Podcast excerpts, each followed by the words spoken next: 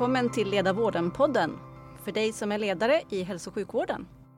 Podden görs av Bonnier Healthcare och Dagens Medicins ledarskap för vården. Vi träffar intressanta ledare och samtalar om skarpa dilemman. Jag heter Isabelle Sedin och är VD för Bonnier Healthcares verksamhet i Sverige. Och I botten är jag specialistläkare i geriatrik. Och jag heter Nina Hedlund och jag är verksamhetsansvarig för ledarskap för vårdens program och nätverk. I begynnelsen är jag sjuksköterska och journalist. Det pågår en livlig debatt om vilken typ av styrning eller stöd som resulterar i bäst vårdkvalitet för den enskilda patienten. När är riktlinjer ett stöd och när blir det en börda? Systemet för kunskapsstyrning startade formellt 2018 och handlar om att utveckla, sprida och att använda bästa kunskap i varje patientmöte. I det här avsnittet fördjupar vi oss i frågor om kunskap som kan undersökas versus omdömeskunskap. Gästen i vår studio idag är Anna Nager. Hon är docent och specialist i allmänmedicin. Anna kommer från en släkt med många läkare och tyckte att yrket verkade kul när hon som 14-åring gjorde prao på kirurgmottagningen i Västerås. Anna brinner verkligen för forskning och särskilt då för mer forskning inom primärvården. Hon är affilierad till Karolinska institutet och har skrivit fler än 30 publicerade vetenskapliga artiklar. Hennes avhandling bestod av en registerstudie över sociodemografiska och medicinska faktorer som var associerade med insjuknande i postpartum psykos. Efter över 20 år som kliniker är Anna nu chefredaktör för kunskapsstödet Medibas som är en del av Bonnier Healthcare samt chefredaktör för tidskriften Scandinavian Journal of Primary Healthcare. Hon arbetar alltså själv med vetenskap och kunskapsstöd men säger att hon är orolig för att den väldigt stora och växande mängden riktlinjer och vårdprogram som ska styra svensk hälso och sjukvård kan lägga ett lock på omdömeskunskapen hos vårdprofessionerna. Anna, vad tänker du på när du hör kunskapsstyrning? Ja, om man tänker på ordet så Eh, är det dubbla känslor. Eh, och dels är det kunskap, för det känner jag som någonting väldigt positivt och eh, nyfikenhet och erfarenhet. Men styrning, det känns ju mer som att man blir instängd. Ehm, och samtidigt så tror jag kanske att det är ett ganska bra ord för det visar den här krocken som är om man jobbar inom vården. Dels att vi ska ha mycket kunskap men att vi faktiskt har vårt uppdrag från det allmänna och samhället. Så att eh, det finns också en styrning. Vi är inte helt fria. Ibland får jag intrycket när jag pratar med kollegor eller när man läser de här olika eh, dokumenten, eh, vårdplan, eh, vad heter det, vårdförlopp och nationella ehm, ehm, eh, eh vårdprogram att det är regler liksom som ska följas eller att, att, att en del vårdpersonal uppfattar dem som regler och jag får ibland höra också från kollegor eh, som svar på remiss, ja men titta bara i viss eller titta bara i den så vet du hur du ska göra. När man kanske har egentligen en djupare fråga och riktlinjer, om man tänker på ordet också så är ju det ser jag som en riktning. Det är ungefär som att dit ska du gå. Det här är ett stöd liksom, ungefär hit. Men jag tror att det är väldigt farligt att se det som regler för att eh, olika situationer och patienter är väldigt olika så att man kan absolut inte bara gå enligt riktlinjer. När vi introducerade ämnet här så tog vi upp eh, just kunskap som kan undersökas då i förhållande till kunskap som är baserat på omdöme. Har ja. du, säga något mer om det? Absolut. Eh, jo, jag var på Svams kongress i Kalmar här för inte så länge sedan och då var det en väldigt intressant eh, föreläsning av Jonna Bornemark som nog säkert många känner till. Och hon berättar om olika typer av kunskap eh, utifrån eh, Aristoteles eh, beskrivningar. Och då beskrev hon några av de här och då så finns det ju dels kunskap som, har sånt, som är sånt som är liksom tekniskt mätbart och även eh, vetenskapliga studier. Där kan man ju mäta och göra statistik och få fram vissa sanningar. Med viss sannolikhet i alla fall. Eh, men sen så finns den här kunskapen som inte går att mäta. Eh, som är omdömeskunskapen och den har ju fått väldigt låg eh, vad ska man säga, den har fått eh, låg status på sista tiden.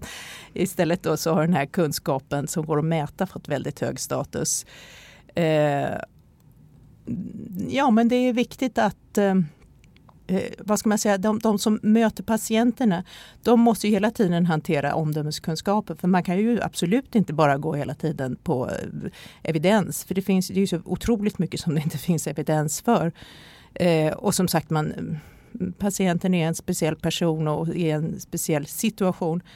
Eh, så därför är det viktigt att vi lyfter upp omdömeskunskapen Eh, och inte bara nu när det gör så mycket olika riktlinjer tror att det är det, det enda som gäller. Jag tror det är jätteviktigt att vi pratar mycket om det. För mig låter det också som att omdömeskunskap kanske är någonting som varierar och ser olika ut på olika, i olika stadier av ens karriär. Eh, ja, så är det säkert. Eh, att ju, mer, ju längre man har jobbat, ju, ju bättre omdöme får man. Och att man kanske när man är i början av sin karriär, då är det väldigt skönt att hålla sig till olika eh, regler och riktlinjer och, och så vidare. Och sen kan man eh, spela lite mer fritt när man blir äldre. Men risken är i och för sig också att man kanske spelar för fritt så att man, man tror att man kan allting. Det kan vara bra att gå tillbaka och titta vad är det, vad är det egentligen som gäller. Du jobbar ju eh, till vardags med kunskapsstöd. Mm. Hur förhåller ni er till riktlinjerna vad gäller arbete med Medibas? Det skrivs ju mycket nu, det känner säkert många till, i det här nationella kliniska eh, kunskapsstödet NKK. Eh, och där ligger det ju, som är en del av kunskapsstyrningen, eh, alltså SKRs. Och där ligger det ju då olika vårdförlopp och nationella vårdprogram. Och vi försöker lägga dem på ett sätt så att användarna kan se att de överhuvudtaget finns. För jag tror det är, när jag har pratat med kollegor så är det ganska många som inte känner till vilka vårdprogram och vårdförlopp som finns. Alla känner till de här eh, vårdförloppen för cancer, de standardiserade vårdförloppen, men inte de andra vårdförloppen.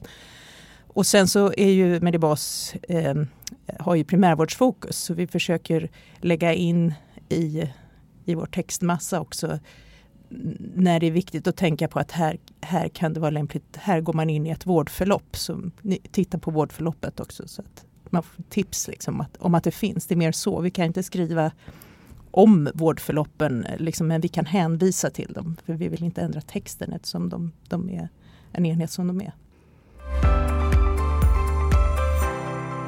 Vad ser du mer att det finns för utmaningar vad det gäller kunskapsstyrning? Förutom att du var inne på nu att det är få som känner till eller vet var de finns. Jo, men en sak är ju det här att riktlinjer grundar sig på de studier som är gjorda och de studier som är gjorda är ofta gjorda på patienter som söker sjukhus och inte så ofta eh, gjorda på patienter i primärvården eftersom det är mycket svårare att samla ihop ett eh, studiematerial inom primärvård inom en viss eh, sjukdom.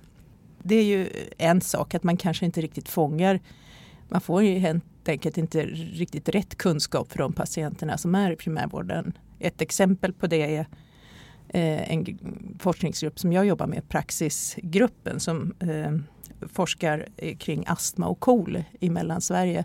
Vi har ett stort material på primärvårdspatienter med de här diagnoserna.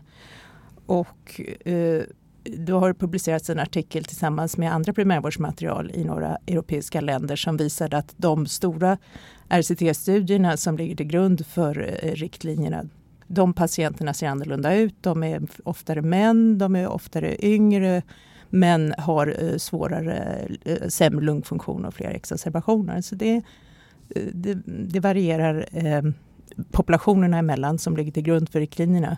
Och sen förstås att man får inte luras och tro att man, att man kan få evidens på allting. Det kan man verkligen inte få. Det är bara en liten, liten del. Det är liksom en liten... Eh, det, det, är, det är det bästa man kan få, men, men det är inte hela sanningen. På tal om då situationen i primärvården så jag hörde om ett begrepp här som var nytt för mig. Time needed to treat.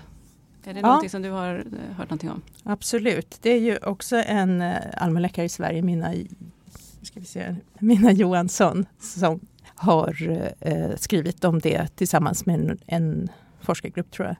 De har myntat det begreppet och de skrev, skrev i British Medical Journal. Och det var ju att om man skulle följa en mängd olika riktlinjer så skulle ju inte arbetsdagens timmar räcka till inom primärvård. Det här var, mm, tror jag, gjort på amerikanska riktlinjer i och för sig. Eh, men eh, att man på något sätt ska tänka efter och vara försiktig med riktlinjer också. Att man kanske till och med också ska avråda från vissa eh, det kan låta till exempel bra att man ska prata om eh, preventiva åtgärder som eh, fysisk aktivitet och så vidare. Men det kanske inte, om det tar för mycket tid så tar det fokus från kanske det som är det viktigaste. Så att eh, finns det ingen evidens så kanske man inte alltid ska rekommendera riktlinjer. Man ska i alla fall vara lite försiktig med det för att alla vill ju gott och, och vill ju att det ska bli så bra som möjligt men den stora massan av det gör att eh, man kommer inte hinna.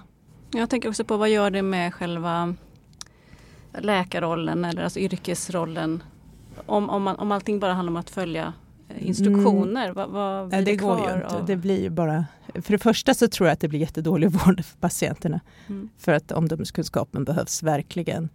Och sen blir det ju väldigt tråkigt att jobba förstås också. Eh, men jag tror inte det kommer gå åt det hållet för att eh, mötet mellan vårdpersonal och patient är liksom där det viktiga händer. Jag tänker mig att till exempel att riktlinjer kanske är som någon slags ram att ja, ungefär det här ska vi inte glömma men eh, i mötet är det viktiga när man tar upp det som är det viktiga för patienten eller när patienten tar upp det som är väsentligt. Men hur skulle du vilja se att man gjorde istället då? Eh, nej men jag tror att det är jätteviktigt eh, att man eh, inom sin arbetsgrupp diskuterar mycket, eh, alltså svåra fall. Eh, sånt som man tyckte kanske inte blev så bra och, eh, eller där man inte vet hur man ska göra. Att man har mycket dialog inom sin arbetsgrupp. Och att man, eh, det, handlar, det är lite samma sak som när man gör forskning. att Man är tacksam om någon är kritisk och, och kommer med bra synpunkter så det kan bli ännu bättre. Jag tror att det är viktigt att man har en sån där öppen men eh, varm och eh, snäll miljö så att man kan eh, Liksom, det här med critical friend tycker jag är ett bra begrepp. Att man, man är en vän men man ger varandra kritik för att eh, ja, man, man vill att bli bättre och få hjälp. Hur kan vi komma dit då? Ja, men det kan väl vara bra kanske att avsätta någon tid för det. En gång i veckan eller varannan vecka eller vad man nu, hur man nu lägger upp det. Men om du avslutningsvis skulle ge råd till den som är lyssnare och leder vården och vill bygga en kultur som mer göder det goda omdömet då. Eh, vad skulle du ge för råd? Ja, men jag tycker det är bra ändå att känna till de riktlinjer som görs nu och veta ungefär var man ska, liksom, vart man ska uh, gå. Men samtidigt uh, så, att man, så att man inte helt är i sin egen bubbla och tror att man kan allting. Uh, och, och, kunskapen förändras ju ganska mycket faktiskt för att det görs ju otroligt mycket forskning nu för tiden. men att man, det är också jätteviktigt att tillsammans, som jag sa tidigare, diskutera enskilda fall och, och eller, eller sånt som man tycker är svårt. För det är så mycket som inte täcks av riktlinjer och, ja, det kan ju vara så olika i olika fall. Jag tror också att det, en stor del av arbetsglädjen är det här kollegiala. Att man känner att man har ett stöd och att man går lite åt samma riktning. Och palla bära osäkerhet. Ja exakt, just det. Ja men lite grann är det ju så att om man, om man bara vilar på riktlinjer då är det som att de bär osäkerheten. Men om jag bara gör så här så, kommer, så, så är det inte mitt fel i alla fall. Mm. Men, men så är, är, det ju inte för att det kan ju bli helt fel om man bara följer riktlinjer. Så att det är ju ändå vårdpersonalen, det är ju en del av vår, vår roll ser jag det som. Att, att vi bär osäkerhet. Vi kanske inte är helt säkra på att vi gjorde helt rätt. Att vi kanske skulle ha utrett på något annat sätt eller behandlat på något annat sätt. Men det är lite grann, det ingår ju också i omdömeskunskapen. Liksom. Det, men, men då får man liksom bära den osäkerheten och kanske den ångesten eller vad det nu väcker för någonting. Men det kanske är också bra att man kan dela den och lära sig mer med sina kollegor.